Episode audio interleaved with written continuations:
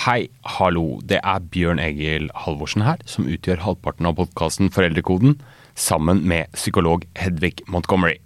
Når dette legges ut, er det mandag 21. mars, og denne dagen starter en ny sesong med Foreldrekoden. Yes!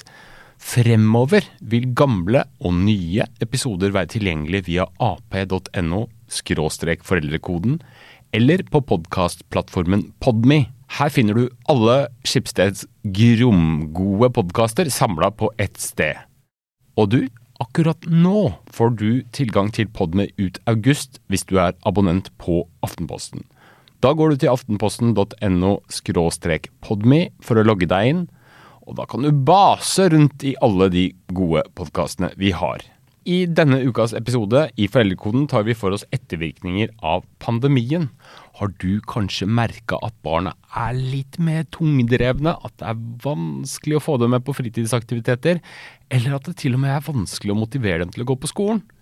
Da tror jeg vi har noe for deg i ukas episode. Og fremover, i de neste ukene som kommer, så har vi blant annet outsider-barda som tema. Altså hvordan vi skal få de som er litt utafor, inn i varmen og med i gjengen. Vi skal også snakke om besteforeldre, og hvorfor det så ofte blir clinch når de skal mene noe om barneoppdragelse. Prestasjonsangst er et annet tema vi kommer innom, og alle disse vil altså bli tilgjengelig på ap.no slash foreldrekoden eller via Podme. Da tenkte jeg rett og slett at du skulle få en liten smakebit fra ukas episode. Ha det bra.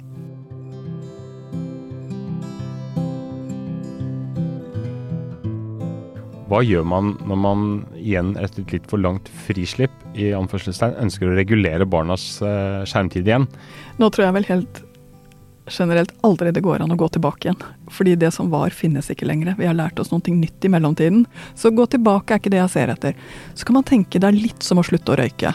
Noen sverger til brå slutter, mens andre trapper ned. Eh, det forskningen viser oss, det er at det å trappe ned er det smarteste for de aller, aller fleste. Så jeg tror for det første å ikke ta det for brått, men å ta det litt sånn pø om pø. Og det andre det er å lage alternativene som gjør at det er annet å gjøre, annet å gjøre som er gøy. For grunnen til at de sitter så mye og spiller, er jo nettopp fordi det ikke er så mye annet.